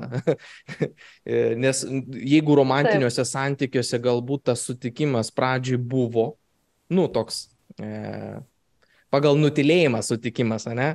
O po to jo jau nėra nei kaip pasakyti, arba net nesutikimas jau net nebeveikia ir tai yra nu, jau e, tiesioginė išaiška to seksualinio smurto e, be sutikimo, tai vad BDSM atveju peržengus šitą, rimą, e, šitą ribą tam tikrą riziką atrodo yra dar didesnė. Aš turėjau tą omeny, ar mhm. sutinkat su tuo, ar čia vis dėlto yra dar kažkokių mechanizmų? Man tai atrodo kad čia irgi toks gana individualus gal faktorius yra kiek kas kam kokios žalos gali padaryti ir kas kaip sureaguos ar ne? Tai turbūt priklauso ir nuo patirties asmens konkrečios ar ne? Ar pavyzdžiui iki tol ar bandė kažkada ar darė o galbūt turi kažkokių tai kitų patirčių smurto ar ne? Smurto patirties apskritai gyvenime ir gali kur kas re e, jautriau reaguoti į šiaip kažkokią situaciją kuri kitam gal nesukeltų diskomforto tai čia turbūt labai dar tokių ir individualių faktorių yra, ne, mhm. kokia reakcija gali iššaukti ir, ir, ir sukelti. Bet e, be abejonės, bet kokia prievarta yra žalinga. Tai čia, manau, kad tiesiog brėžti ribą šitoje vietoje yra labai svarbu. Aš galbūt tada e, pereisiu į, į kitą klausimą ir paklausiu, kaip tada, ar yra, nežinau, e, ekspertai, specialistai rekomenduoja, kaip tą seksualinį potraukį, kuris gali būti galbūt per didelis, nelaiku ne, negavo sutikimo, kaip jį malšinti, nežinau, masturbuotis, pornografiją žiūrėti, mhm. BDSM užsiminėti, pas psichologą lankytis, nežinau, ta prasme, ar nes nu, su, sutikim, kad tai nėra vien tik tai socialinių anstato ir stereotipų įtaka, tai yra ir tam tikras biologinis, tam tikras variklis, kuris, sakykim, vat, gali būti labai išreikštas pas vieną arba kitą žmogų, ne? o kitam tai yra, pažiūrėjau, nepriimtina mhm. arba peržengia tas ribas. Kaip reikia su tuo tvarkytis? Taip, čia labai geras klausimas ir iš tikrųjų čia turbūt uh, pagrindinis atsakymas būtų uh, nu, supratimas vis, visiems, visiems kaip visuomeniai, kad ir koks stiprus tas tavo būtų urge turėti seksualinių santykių, uh, seksas nėra teisė. Seksas nėra tavo teisė. Ne? Seksas yra kažką, ką tu darai su kitu, kitu tarkim, žmogumi, ar ne, tu turi gauti jo sutikimą. Tai, pavyzdžiui, jeigu yra ypatingai išreikštas noras, ar ne, kad tu jau nebegali, tai žinoma, mes galime kreiptis pas specialistus, ar ne, tu gali ten save patenkinti ten dešimt kartų, dešimt kartų per dieną, ar ne, rasti būdų, nežalojant kitų žmonių tą daryti. Pornografija nėra geras būdas, nors labai daug žmonių žiūri pornografiją, tikrai, nes tai yra velniškai prieinama ir vaikai pradeda pornografiją žiūrėti jau nuo antros klasės. Aš tą sakau iš praktikos, nes tiesiog uh, pati auginu pradinuką ir žinau, kas vyksta, uh, kas vyksta mokykloje ir kuo užsiema vaikai per pertraukas. Tai um, kas atsitinka žiūrint pornografiją? Pornografija uh, šiaip turėtų būti bent jau ir vaikam uždrausta, kaip ir cigaretės ir alkoholis, nes uh, prie jos yra labai priprantama. Ir kai mes žiūrime pornografiją, va, tai jeigu mums yra tos urge, ar ne, iš pradžių žiūrime pornografiją, kad pasitenkintumėm, ten yra toks iškreiptas e, vaizdas, intimumo, ar ne, nes ten yra į pirmasias kelias minutės sudedama viskas maksimaliai, nes niekas nežiūri pornografijos 3 valandas, ar ne, visi žiūri ten po 10 minučių, 15 ir panašiai tam maksimaliam rezultatui pasiekti. Kai tu pripranti žiūrėti pornografiją, tiesiog natūraliai smegenys veikia taip, kad uh, tau nebeužtenka to, ką tu žiūri. Tavęs jau nebejaudina tie patys vaizdai, kuriuos tu matai. Tu pradedi tada ieškoti kažko šiek tiek žiauriau, ar ne? Kur yra daugiau smurto, kur yra žmonių prasideda tam tikri gal ir BDSM dalykų. Tada tu pripranti prie to, tada eini dar kažko ieškoti, nes tavęs tas paprasčiausiai nebetenkina, ar ne? Tu tada žiūri labai daug, eini ieškoti į tą tamsų internetą dalykų, tai nu, nėra pats geriausias dalykas tam savo urge uh, valdyti, tai nu, suprasti, kad seksas nėra kokių... teisė ir... Ar yra kokių duomenų, mhm. kad porno, pornografija skatintų uh, smurtą seksualinį, ar kaip tik prisidėtų prie jo prevencijos? Uh. Taip. Pornografija, pornografija pati savaime didžiaja dalim, tai ką mes matome tuose viešai prieinamuose pornografijos kanaluose, jau didžiaja dalim yra smurtas prieš moteris, ypatingai tai, ką mes matome pornografiniuose filmuose, ar ne, tai jau savaime yra. Man labai strigo interviu su mm, Tedu Bandžiu, jis yra vienas iš tokių uh, įsimintiniausių nusikaltelių Amerikos istorijoje, būtent kas liečia seksualinį smurtą, jis labai žiauriai elgdavosi su moterimis, jas prievartaudavo ir po to nužudydavo. Ir aš žiūrėjau, po to Netflix, Netflixo filmas buvo su juo sukurtas, bet toksai, aišku, holivudiškai romantizuotas, bet aš žiūrėjau tikrai jo interviu prieš, prieš jam uh, sėdant į elektros kėdę, ar ne, prieš jam atliekant mirties bausmę. Ir man, man labai strigo istorija, kai jis pasakojo, kad būdamas uh, kažkur 12 metų, jis uh, su kaimynų berniukais knisdavosi po šiukšles kaimynų ir atrado pornografiją. Tuo metu žurnalai, nes tai būdavo senesni laikai. Ir jis sako, mane tas taip sužavėjo, kad aš norėjau daugiau, daugiau, daugiau ir tada žiūrėjau daugiau tos pornografijos, man norėjosi vis žiauresnės. Ir sako, atsirado nu, tam tikras momentas gyvenime, kai man pačios žiauriausios pornografijos nebeužteko ir manęs tas nebepatenkino. Ir aš galvojau, ką aš dar galiu padaryti, nes aš jau žiūrėjau patį žiauriausią turinį. Ir tada, sako, man toptelėjo tokia idėja, o jeigu aš tai pats pabandyčiau padaryti. Ir sako, aš to vaikščiau kelis metus, nes man buvo dar nedrasu tą priimti ir po to aš pabandžiau. Pabandžiau vieną kartą, pabandžiau antrą kartą ir taip jis labai daug, labai daug kartų bandė, ar ne? Tai šitas mm. atvejis, nesakau, kad kiekvienas žmogus, kuris žiūri pornografiją, taps tedu bandžiu, bet kad pornografija yra smurtas prieš moteris didžiąją dalim, kad jis prisideda prie smurto kultūros, tai vienareikšmiškai, nes net ir jaunuoliai tos pačios merginos, man yra tekę vesti mokymus jaunimui, tai tos pačios merginos ir vaikinai sako, o tai jeigu mano mergina sako, kad aš esu, pavyzdžiui, per mažai aistringas. Nes jinai irgi žiūri pornografiją ir pornografija aistra reiškiasi per smurtą. Labai didžiąją dalim, ar ne, per mėtymus, ar ten kažkokį paėmimą. Ir sako, kad aš nesu aistringas. O aš sakau, aš nenoriu ant tavęs taip mėtyti. Tai nesu aš. Ir tada sako, nu tai ką, tai pornografija tiek merginom, tiek vaikinam, tiek apie savo kūnus įsivaizdavimui menkina, ar ne, nes tu mm. neturi nei tokių lytinių organų, nei tai tiesiog jėsi, tai lūkesčiai, lūkesčiai yra turbūt užkelti, iškreipti ir tada Taip. norint dar su kitu žmogumi, kuris turi tą kitokį dar mąstym, matymą tų, tų poreikių, tada gaunasi toks, nu, hipernesuderinamumas. E, ir, ir, ir neįmanoma turbūt lūkesčio ir turbūt visiškas e, kognityvinis disonansas. E, prasme, kaip kas turi vykti, kaip kas turi atrodyti, kiek kas turi trukti, kaip, ta prasme, jokio, turbūt, jokio prisirišimo prie realybės nėra, nes turbūt nu, turbūt reikėtų įvardinti, turbūt, kad didžioji dalis vis tiek paauglių iš pradžių žiūri pornografiją, o po to turi lytinius santykius. Turbūt čia. Taip. Nežinau, koks Taip. procentas, turbūt ne mažiau 70, spėčiau. Aš manau, kad didžiaja dalim, nes jeigu mes kalbam, kad apie seksą mes nekalbam, kalbam, kad nekalbam, Taip. o jaunimui kyla klausimų, ar ne, tai jie su tuo ir susipažįsta. Ir įsivaizduokit, koks laukia nusivylimas ne tik jų, bet ir mūsų, jeigu mes tai darėme, kai tu gauni tuos nu, re, realiai normalius santykius su žmogum ir tu galvoji, palauk, tai mano visas pasaulis sugriūna. O kodėl tada, e, nežinau, nesibaigia tas lytinis aktas per penkias sekundės, o kodėl niekas ten, pavyzdžiui, nešūkia, o kodėl niekas ten nedėjo, o kodėl netaip vyksta? Ir tu tada nebesupranti, kaip turi vykti, nes pornografija buvo tavo vienintelis šaltinis matymo to, ar ne? Tai yra didžiulė, aš manau, kad pornografija yra šiaip apskritai jau net atskira tema prie viso to seksualinio smurto, bet čia kiek gilinėsi, tiek iš tikrųjų uh, tai yra antiek normalizuota, kad, pavyzdžiui, dabar nuėjus į mokyklą ir paklausus mokytojų, pakelkite rankas, kas žiūri pornografiją, jie nei vienas nepakels ir sakys, ką tu čia nusišneki, niekas aišku nežiūri, nepaisant to, kad greičiausiai žiūri. Na, taip, Bet jeigu šeimoje nesmurtauja, taip ir pornografijos. Jo, jo. Bet jeigu paklausim moksleivių, ar yra kažkėjęs pornografiją, jie pakelia ranką ir taip ir, ir ką, tai to tai čia normalu, tai yra normalu, tai yra kultūros dalis, tu taip mokaisi ir tai net nebėra kažkas gėdingo pripažinti, ar ne, tai yra out in the mm. open. Man atrodo, kad netgi tas pats amžius vaikų iš tikrųjų labai irgi e, krito. Nu, turime minėti, kad anksčiau vaikai pradeda matyti pornografinius filmus, tai irgi, ar ne, kokį laiką, kiek laiko jie žiūri juos. Turime minėti, kad nu, iki, iki, pavyzdžiui, pirmųjų lytinių santykių arba iki pirmųjų kažkokių rimtesnių romantinių santykių, tai tiek laiko ir formuojasi, ar ne tas vaizdinys, kokį tu įsivaizduoji, tie lūkesčiai, ar ne kokius tu turi vėliau, tai realiai tokį laiką jie ir formuojasi. Tai jeigu pradedi žiūrėti dešimties metų, mm po to, nu, tai, tai iš tikrųjų irgi yra labai ilgas laiko darbas.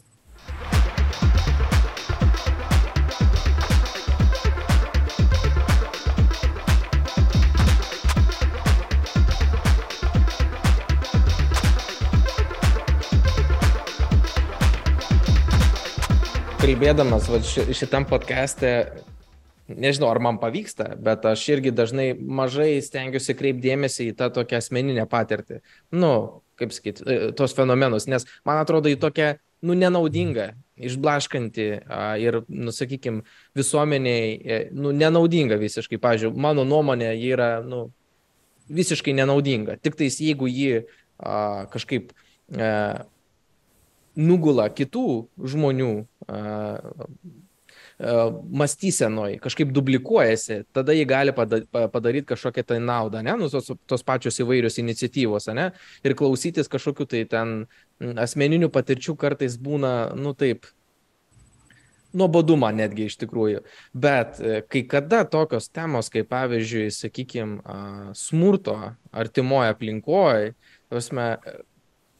tokios labai gyvenimiškos situacijos labai pakeičia iš tikrųjų tą vaizdinį. Ir kai kuria prasme, vat, ta ribologija ir ribos galbūt yra, nu aš taip kaip manau, galbūt geras konceptas. Nesakau, kad reikia kažko atmesti ir nepradėti, bet iš esmės, kad a, ribų nusistatymas ir, ir mokėjimas nusistatyti e, ribas santykiuose tiek kažkokiam konkrečiam seksualiniam su IT, aš nežinau, tiek pačiam santykyje yra a, gana greitas būdas, kaip pasiekti pokytį, ta prasme. Nes nubražyti ribas visuomeniai, kas yra smurtas, kas yra seksualinis smurtas, tai bendraja prasme, yra šiek tiek sudėtingiau. Ir aš galbūt atvirkščiai šitoj temai matau a, tą gerumą ribų būtent temos, kurios buvo labai keistai suinterpretuotos viešoje erdvėje su tais sutikimais ir, la, ir rašteliais ir lapeliais. Ir, ir, ir ta, sakykime, tas asmeninė, būtent, nu ne kad atsakomybės prisimimas, bet tų įgūdžių, sakykime, ne kažkokios toks atkūrimasis, kurie gali būti tada prisidėti prie sveikesnio santykio, ne tik tais individuo kažkokio tai, sakykime, sveikatos, psichologinės ir fizinės, bet ir prie santykių sveikatos. Kaip Jūs manot būtent tarp tos priešpriešos, tarp e, visuomenės suvokimo ir to asmeninio ribų, ribų brėžimo. Nu, aš taip matau e, šioje temai tą. Nu, čia, toks klausimas gal irgi šiek tiek ar, ar, ar višta ar kiaušinis, nes aš labai, man kažkaip susišaukė šitas klausimas. Uh, E, su smurtu artimoje aplinkoje, kai mes irgi prieš priemant apsaugos nuo smurto artimoje aplinkoje įstatymą labai daug metų, turbūt nuo 94 bandėm irgi visuomenėje daryti pokyčius, ar ne, kad nu, atpažink smurtą, kalbėk, kad tai yra, nu, ta prasme, irgi brieškis ribas, kalbėk, kad tai yra negerai ir panašiai. Ir bandėm, bandėm, bandėm, bandėm, bet iš tikrųjų būtent įstatymas, kuris pasakė, kad ne, taip būti negali ir mes pritaikysim už tai atsakomybę, ar tai yra valstybės reikalas ar ne, su įstatymo įsigaliojimu pasikeitė labai daug sisteminių dalykų ir pasikeitė labai daug požiūrio dalykų, ar ne? Tai va čia yra, nors aš, pažiūrėjau, nesu žmogus, kuris tikėčiau, kad tu gali viską išspręsti įstatymais ar teisės aktais, ar ne, nepakeičiant žmonių elgesio modelio, bet tam tikrais atvejais tokie dalykai, jie padeda. Tai va, aš nežinau, ar čia yra višta ar kiaušinis. Asmeniniam ligmenį yra labai svarbu, bet aš, aš jeigu būsiu apsišvietęs kaip asmuo ir savo ribas brėšiu labai, nu, žinosiu, kaip jas brėžti, bet aš gyvenu visuomenėje, kurioje vis dar paplitęs aukų kaltinimas, kurioje vis dar yra haha, juokeliai, ten tu pasižiūrėk, ten, žinai, čia pati kalta ir taip toliau panašiai nu, vargiai ar aš jausiuosi laisvai galėdama reikšti savo nuomonę, o jeigu man kažkas atsitiko, ar aš jausiuosi, kad tokia visuomenė priims tai, kas man atsitiko ir, ir nepasmerks manęs, ar ne? Čia, tai vat, tu, tu, tu gerą. Aha. Jo, aš gal, gal papildyti norėjau tai, kad turbūt šitie dalykai nu, vienas nuo kito neatsiejami ir jie turėtų eiti paraleliai kol stiprini vieną pusę, stiprini ir kitą pusę, ar ne? Ir tik tai kartu veikiant galėtų veikti. Nes visuomenė, apskritai ir nuostatos visuomenė juk irgi labai labai svarbu, jos formuoja labai daug, ar nebrėžia ribas, kas mūsų visuomenė yra priimtina ir kas ne. Ir tada kaip mes reaguosim, jeigu kažkas nutiko ar ne, ir kaip, kaip, kokį mes tą feedbacką duosim, ar ne. Tai lygiai taip pat tas pats aukų kaltinimas, ar ne. Kodėl yra tiek mažai nusikaltimų registruotų, kodėl nesikreipia, kodėl yra toks didelis nesikreipiančiųjų skaičius. Tai irgi turbūt yra atspindys, ar ne, kurį mums duoda visuomenė, nes mes dar vis kvestionuojame, dar keliam klausimus, ar čia tikrai galėjo kažkaip tai taip nutikti ir panašiai. Tai man atrodo, kad tos normos, kurias mes priimam ir kurias mes iš tikrųjų toliau mokom kitus ir atspindim, yra labai labai svarbios kaip ir asmeninės ribos, ar ne, kurias mes nusistatom tada savo. Bet tai yra toks daugiau gal jau na, lankstesnis kažkiek tai dalykas, kuris priklauso nuo individuo, ar ne, kiek tu pats gali, kiek tu pats nori, kiek leidžiu, su kuo esu ir panašiai. Nes čia labai daug tokių yra na, kintamųjų, kurie keičiasi ir, hmm. ir keičiasi tada situacija pati. Bet taip, man atrodo, kad tai turėtų eiti paraleliai tiesiog dėl to, kad yra neatsiejama. Taip, taip, aš irgi tą paminėjau, tik tais gal man, va, sakau, tą asmeninę, tą patirtis, sakykime, iš tų atvejų pusės ir būtent tos ribos asmeninė erdvė, tai atrodo labai toks, nu, gana, nu, svarbus labai aspektas ir tas įgūdžio, įgūdžio ir tos sampratos, nu, tiesiog labai, labai, labai svarbus, bet jūs kaip ir minėjot, taip, gali žmogus būti labai, e, kaip sakyti, apsibrėžiantis labai toks asketiškas e, toje pusėje, labai toks funkcionalus, toks labai pragmatiškas ir, ir, ir, ir labai susigaudantis, apsibrėžiantis, bet jeigu aplinkui visuomenė yra tokia nepasiruošusi tokiam asmeniui, sakykime, ne, tai tada gaunasi tam tikras toks spaudimas. Atvirkščiai, jeigu visuomenė yra labai pasiruošusi tam, o, o žmogus uh, nėra pasiruošęs tam, tai vėlgi atsiranda toks spaudimas, ta prasme, tam tikras, tu, ga, žmogus gali jausis tam tikrų atėjų, jo ne, nesutampa jo iš, iš viso raiška su uh, kažkokio visuomenės nuostatom.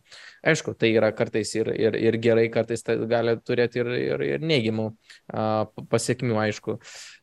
Turiu dar porą klausimų, kuriuos e, norėčiau aptarti ir galvoju galbūt pakalbėti apie paauglius, nes žinau, jūs e, turit patirties būtent su šita amžiaus grupe, su šita mm, dalimi mūsų visuomenės ir kadangi seksualiniai santykiai dažnai paauglystėje ir prasideda, ko mūsų konservatyvieji tėvai e, kažkada ne, negalėjo įsivaizduoti, ta prasme. Nežinau, kaip pas jūs buvo, gal pas mane kitaip. Bet um, ir kaip ten yra, ir ar vis dėlto paauglystė ir yra tas, tas laikotarpis, kuris yra kažkoks tai uh, svarbiausias, o gal visiškai kitaip vis dėlto tie lyčių stereotipai yra dar anksčiau suformuoti ir tam tikras tas e, kurį mes gerai prisi, prisimenam, nu, baisu man prisiminti. Aš dar nesu atsiprašęs visų klasiokių, dar visų klasiokių nesu atsiprašęs už, už sniego gniūštės, už e, kepurės atimtas e, ir, ir, ir, ir panašiai. E, esu, esu visą tą padaręs, kaip priklauso. Tų, tų gimimo metų vyrukui. E, ir, ir, o, o gal vis dėlto anksčiau viskas ten yra ir ten, ir ten tos problemos yra. Ir gal ta paauglystė, ta tokia sudemonizuota, nėra taip ir blogai. Baigim tą paauglystę tiek demonizuoti. Gal tie demonai ir to velnio išperos vis dėlto yra šešiamečiai, penkiamečiai, kuriuos reikėtų perauklėti ir, ir tada mes to uh, smurto tiek neturėtumėm. Ką manot apie tas skirtingas amžiaus grupės ir, ir, ir būtent apie paauglius ir kokią ten situaciją, problematiką galbūt, o galbūt ir kažkokie tai teigiami pokyčiai yra? tai manyčiau, kad čia apie paauglius užklausai, bet, žinai, ir apie tas sniego gniuštas, tai tiesiog, nu, biškio topikas, bet norėčiau pasakyti, kad aš pati ne per seniausiai kažkaip pakomentavo vieną paustą tiesiog klasio, klasiokė buvusi ir, ir prisiminiau, kad visada jos norėjau atsiprašyti už nu, patyčias jos atžvilgių iš savo pusės, ar ne, ir tą padariau po labai labai daug metų ir aš sakau, žinai, visada, sakau, tu man parašy, bet aš visą laiką norėjau tau parašyti, bet kažkaip nedrisau. Ir jinai sako, wow, ačiū, sako, man tai labai daug reiškia. Tai, žinai, niekada ne per vėlų, jeigu nori už kažką, atsiprašyti, tai dar, Kaip tai yra sunku? Dar, dar gali, žinai. Kaip tai yra, tai yra sunku? žiauriai tai yra žiauriai sunku, nes tik tada, kai suaugi, supranti, uh, kokį š darai. Ir tai yra labai gėda ir labai sunku. Bet tiesiog noriu pasakyti, kad rezultatas toksai, kai gauni, o tikrai taip vertinu ir man tai yra labai svarbu ir galvoju, uf, nu gerai, biški kažkaip nežinau. Bet jeigu atsakant į klausimą dabar apie paauglystę, uh, reikia pradėti net ne nuo paauglystės, o, vat, kaip sakai, gal velniukai ten 5-6 metų, tai tie velniukai yra jau todleriai nuo 2 metų. Ir mes dabar sureda irgi turime įvairiausių, įvairiausių idėjų, kurios, manau, materializuosis galbūt jau ir gana greitai apie tai, kad reikia kalbėti apie ribų brėžimą su labai mažais vaikais, nes pasižiūrėkim, iki paauglystės mes dar mažiukų vaikų nemokom sutikimo visiškai. Mes sakom, atėjo mačiutė, senelis, tu jų seniai nematėjai, eik ir bučiuok. Ir vaikas sako, ne, nenoriu, nes jis dviejų metų jau gali pasakyti, ne, nenoriu. Ir mes sakom, eik vis tiek, sėsk ant kelių vis tiek, daryk vis tiek, nes tavęs kažkas pasilgo, tai yra artimas žmogus, tu privalai, ar ne? Tai nuo labai labai mažų dienų nuo darželių pradedam mokyti gerbti vaikų ribas. Ir po to, kai mes ateinam iki paauglystės, paaugliai yra šiaip žvėriškai drąsūs žvėriškai drąsūs ir jie yra kur kas drąsesni, negu mes galim įsivaizduoti. Ir jie jau pradeda, nu taip, suaugę dažnai sako naglai, bet kvestionuoti tuos lyčių stereotipus jie su jais auga, jie juos taiko, nes tas ateina iš šeimos, iš senelių, e, paaugliai tuos pačius stereotipus rašo, ko iš jų tikisi kaip ir suaugę, realiai tiek merginos, tiek vaikinai, tuos pačius, e, faktiškai žodis į žodį. Bet, Bet. Spėsiu, spėsiu, kad jie yra e, tam laikotarpį, kur pakalbėjus su jais, jie gali permastyti turbūt tą stereotipą jau kaip galima sakyti, suaug, suaugėlėje, ne? Ir gali, gali įvertinti, kas buvo, kaip tą vaizdinį, kas yra aplinkoje ir panašiai, ne? Taip, ir jie turi beprotiškai nuostabią savybę, vad sakau, klausti. Nes jeigu mes jau darom, vat, kaip už, uždėti arklį, ar ne, tie ant akių, mes jau darom, mes neklausom, kodėl mes darom. Mes neklausom, kodėl eiti darbą, mes darom. Tau pasakė, kad tu turi nedraskyti akių ir sėdėti išsitiesus, tu nebekvestionuoji, kodėl tu tai darai.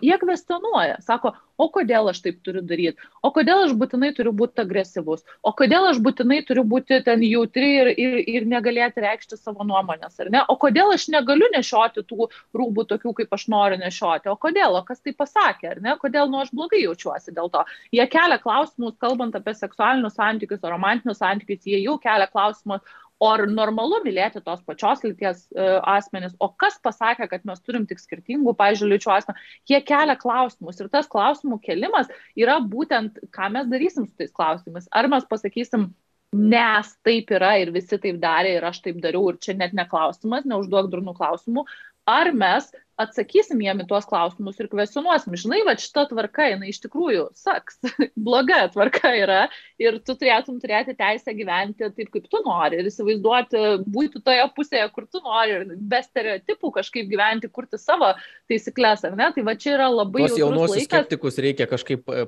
pajungti e, Skatint. didesniam gėriui. Bet aš galvoju, čia reikia pajungti labai anksti, nes iš tikrųjų, ką Rugilė ir sakė, kad nu, paaugliai tai jie kvestionuoja dar kartelį kelia klausimus, bet iš tikrųjų tai klausimai kyla ir mažiems vaikams. Tik su jais dar yra delikačiau ir su jais iš vis niekas atrodo nenori kalbėti tarsi, ne, nes tai yra per mažas vaikas, ką iš čia supranta, dar kažką nu, nuvertina absoliučiai. Bet tiems mažiems vaikams irgi kyla klausimai ir tie patys, netgi, ar ne, kai kalbam apie e, lytiškumo augdymą arba kažkokį, e, tai vis tiek kalbam ne apie lytinius santykius, taip pat ką Rugilė kalbėjo, mes kalbam kalbam apie ribas ir kad atėjusi močiutė, kai jiem ten sako, kad vat, reikia pabučiuoti, kai kurie, kai kurie net nesako, ar ne, tai yra tiesiog ateina ir pabučiuoja, ar ne, įsibrauna į tas tavo ribas, jų visiškai negerbent. Ir tiesiog, ar ne, nes tu esi mažas vaikas. Tai galbūt tais senesniais laikais tas um, požiūris, kad vaikai nesmuo, vaikas nesmuo, buvo toks. Jo, jo, kita rūšis tam tikra, kurią reikia kitaip visiškai traktuoti, jo. jis yra nepakankamas, tiesiog bendrai nepakankamas. Jo. Jis nežino, bet iš tikrųjų vaikai žino ir žino, kas jiems patinka, ir žino, kas nepatinka, ir, ir tikrai jaučia, kad ir negerai su jais kažkaip elgiamasi. O tarkim, kalbant apie tą patį seksualinį smurtą, e, jis prasideda kartais labai anksti tai kad vaikas turėtų įrankius jį atpažinti, tai reikia su juo jau kalbėti, ne? nes paauglystė jau bus per vėlu. Nes paauglystė taip, tai yra labai toks rizikingas laikotarpis, ten dar kiti dalykai vyksta. Bet iš esmės tai tą patį lytiškumo augdymą jau reikia vykdyti ir kalbėti apie ribas ir jų gerbimą, ne tik tai kalbėti apie ribas, bet iš tikrųjų ir gerbti tas ribas, ar ne? Mm. Kad jeigu tau sako, ne, aš nenoriu, nu tai nenori. Reiškia, Galbūt nenori. papildoma dar funkcija galėtų būti paties lytinio švietimo. Nu, prisidėti, aišku, čia tokie retesni atvejai, jie nėra pavieniai, bet retesni e, dėl to paties e, nepilnamečių išnaudojimo, ta prasme, kai vaikas žino, kas yra tie lytiniai santykiai, kokie jie turėtų būti, kada jie turėtų galbūt prasidėti, e, su kuo jie turėtų būti, galėtų atpažinti, ta prasme, jeigu yra bandoma jo, jais e, pasinaudoti. Tai irgi gali būti tam tikra, tam tikra prevencija. Iš tikrųjų, netgi aš galvoju dabar, nu, va, toks gal pavyzdys ne visai, bet e, kadangi e, dirbam ir su, teikiam pagalbą, tarkim, Ukrainoje, ir kai manęs klausia apie, apie seksualinį smurtą ir skaičius, ir statistiką, tai vienas dalykas, kad taip, tai labai sunku kalbėti apie skaičius, labai sunku apie statistiką, bet, pavyzdžiui, kalbant apie vaikus, jie dažnai netgi neatpažįsta, nes nežino, ar ne, jeigu su jais nebuvo netgi kalbama, jie net nelabai supranta, kas tai buvo daroma. Tai ta, tas kalbėjimas šitom tokiam labai jautriom temom, adaptuotom jų amžiui yra labai svarbu ir jis turėtų būti daromas nuo ankstyvo, iš tikrųjų, nuo, nuo, nuo mažų dienų. Ir ar, ar aš ger, ger, gerai išgirdau, kad bendrai ta prasme, kad švietimo sistema neįtin yra pasiruošusi, pavyzdžiui, ten e, litiškumo įvairovės namai daro tam tikras programas, ruošia metodologinę medžiagą, e, bet yra tam tikrai irgi disputai, ta prasme, kaip e, ko ten turėtų būti mokama, sakykime, kas tai nėra grinai to mm, tų švietimo sistemose tų, sakykime, tų tam tikrų pamokų dalis, bet kažkokie papildomos pamokos ar kažkokie užsiemimai, tai ten irgi įvairių disputų yra, ko ten galima mokinti nuo, nuo, nuo keliarių ir ne, ir ten visokie susikirtimai su šeimų, kaip ten yra tie ne, taip, nepabijosiu taip. žodžio bepročiai, už, šeimas, už šeimas kovojantis, kaip ten yra tas. Šeimų maršas, šeimų. Ne šeimų maršas, bet e, še... tėvų, tėvų ten, taip, tėvų asociacijos įvai, įvai, įvai, įvairaus plauko, tai čia iš tiesų švietimo sistemos viena iš didžiųjų, didžiųjų problemų, tai iš tiesų yra ne vaikai, tikrai vaikai paskutiniai vietoje problema būtų uh, ne mokytojai, netgi tie patys, o tėvai, nes net ir atėjusi tie patys tėvų susirinkimą, jeigu pasakai, kad ten reikia litiškumo augdymo ar panašiai, tai iš karto prasidės. Jūs juokaujat, jie per maži, o čia apskritai net ne mokyklos reikalas, tai tėvų reikalas ir jūs įsivaizduojate, kodėl tie pokyčiai švietimo sistemoje tiek stagnuojasi, ar ne? Nes ateina krūva žmonių, kurie sako, dar jūs čia man drįsit aiškinti, ką mano vaikas turės žinoti, jūs mokykite lietuvių matematikos ir nelyskite į nieką kitą ar ne? Ir kuriozinė situacija, va, mums bekalbant, aš jį pagalvoju apie ribas. Mes tiek e, kažkaip neigiam vaikų ribas nuo mažumės, paauglystai mokom nekelti kvailų klausimų arba priimti mūsų pasaulio tvarką tokią, kokią mes ją kūrėme, ar ne? O tada mes turime uh, žmonės, kurie dažniausiai yra, nu, tarkim, link 30 arba 30 mečiai, tarp 30-35, kurie pradeda labai stipriai kvestionuoti, o kas aš, o ko aš noriu o kur yra mano ribos, o ką, nu, kaip aš noriu funkcionuoti šitam pasauliu, kaip man save atrasti, ar ne? Nu, tai mes tą labai ne, natūraliai. Nelabai suprantu, ką tu turi omeny, ant ko tu statai šitą argumentą, kad 30-mečiai jau tokie pasimetę. Pa, apie ką tu kalbi, patikslink. Jo, nes e, mes nuo mažens labai gerai žinom iš tikrųjų savo ribas. Būdami maži vaikai, va jie iš karto pasakys, šito aš nenoriu daryti, šitą aš noriu daryti, ar ne, šitą man paauglystė irgi, aš, pažiūrėjau, noriu ten studijuoti kokią nors ten mechaniką, aš svajoju apie tą. Ir tau sako, ne, ne, ne, daryk taip, kaip sako sistema ir tu visą laiką darai, kaip sako sistema, bet ateina tam tikras laikas tavo gyvenime, kai tu jau pats pradedi galvoti už save ir tu staiga tada supranti, kad visą laiką galbūt tu darai taip, ko iš tavęs tikėjosi sistema, ką tave mokė sistema ir tau, nu, kažkas jau nebegerai darosi, ar ne, tu, ta prasme, nesi pasitenkinęs, tau liūdnas, galbūt susirgi įvairiom, ten net ir psichikos sveikatos lygom ir pradedi bandyti atrasti save ir ko tu iš tikrųjų nori. Tai mano mintis buvo ta, kad mes mm. tą norą slopiname nuo vaikystės o tada suaugę išleidžiame kartais labai didelės sumas pinigų, bandydami atrasti save ir ko mes iš tikrųjų norim. Kai iš tikrųjų mes tai žinom tai viduje, tiesiog nu, esame antiek užglušinti to viso visuomenės naratyvo, kad mums reikia labai daug metų ir daug jėgų ir daug psichoterapijos tą atrasti ir išlūkštenti ir pripažinti, kad tai, ko aš noriu, yra vertinga, ar ne? Taip kaip aš kuriu santykius, yra mano būdas ir nieko blogo su šitu nėra. Tai vad, nu, man šitas yra gana kurioziškas dalykas. Tai jeigu mes nustotumėm tą slapinti vaikuose, paaugliuose, palaikytumėm jų tą asmeniškumą ar ne, asmeninę perspektyvą, unikalų požiūrį, kritinį požiūrį, tai mes, man atrodo, turėtumėm daug sveikesnę visuomenę ir suaugus ir daug daugiau žmonių, kurie galėtų iš tikrųjų įprasminti save taip, kaip nori jie patys. Ir aš dar grįšiu netgi prie, tiesiog vėlgi prie tų pačių savokų, ar ne, kad kalbėjai apie litiškumo augdymą ir kad tikrai yra tėvų, kurie kažkaip tarsi jūs čia ne, ką jūs darysit.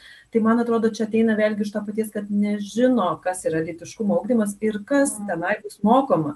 Ir tada fantazijai lieka labai daug vietos ir pradeda tiesiog galvoti, ar ne, kad čia gal bus mokami vaikai kažkokių dalykų, kur ten nežinau. Nu, man atrodo, tai yra daugiau fantazija negu realybė, nes jeigu pasiskaityti tas pačias programas ar ne, tai ten nemoko jokių, ten moko atpažinti ar ne, ten apie kūną savo, tiesiog apie, tas pačias ribas ir panašiai ir panašiai. Tai, hmm. tai tiesiog, man atrodo, tas pats nežinojimas ir kai yra daug nežinojimo, atsiranda daug vietos fantazijai ir apie tuos pačius litiškumo ugdymo kursus, va, paminėjo Elgimantai įvairovės ir edukacijos namus, tai vieni iš mūsų kolegų, kur iš, iš esmės įsigilinę į šitą naratyvą tikrai labai, bet mes turime nepaslaptis Lietuvoje ir tokio litiškumo ugdymo, kur merginas moko, kad jų gimda yra šventovė ir kuris subrandins vaikelį, o vyras su spermatozoidais bus užkariautojas ir užkariaus ir, ir taip toliau panašiai. Tai šiaip reikėtų... Kas šitie, mo... kas šitie mokytojai?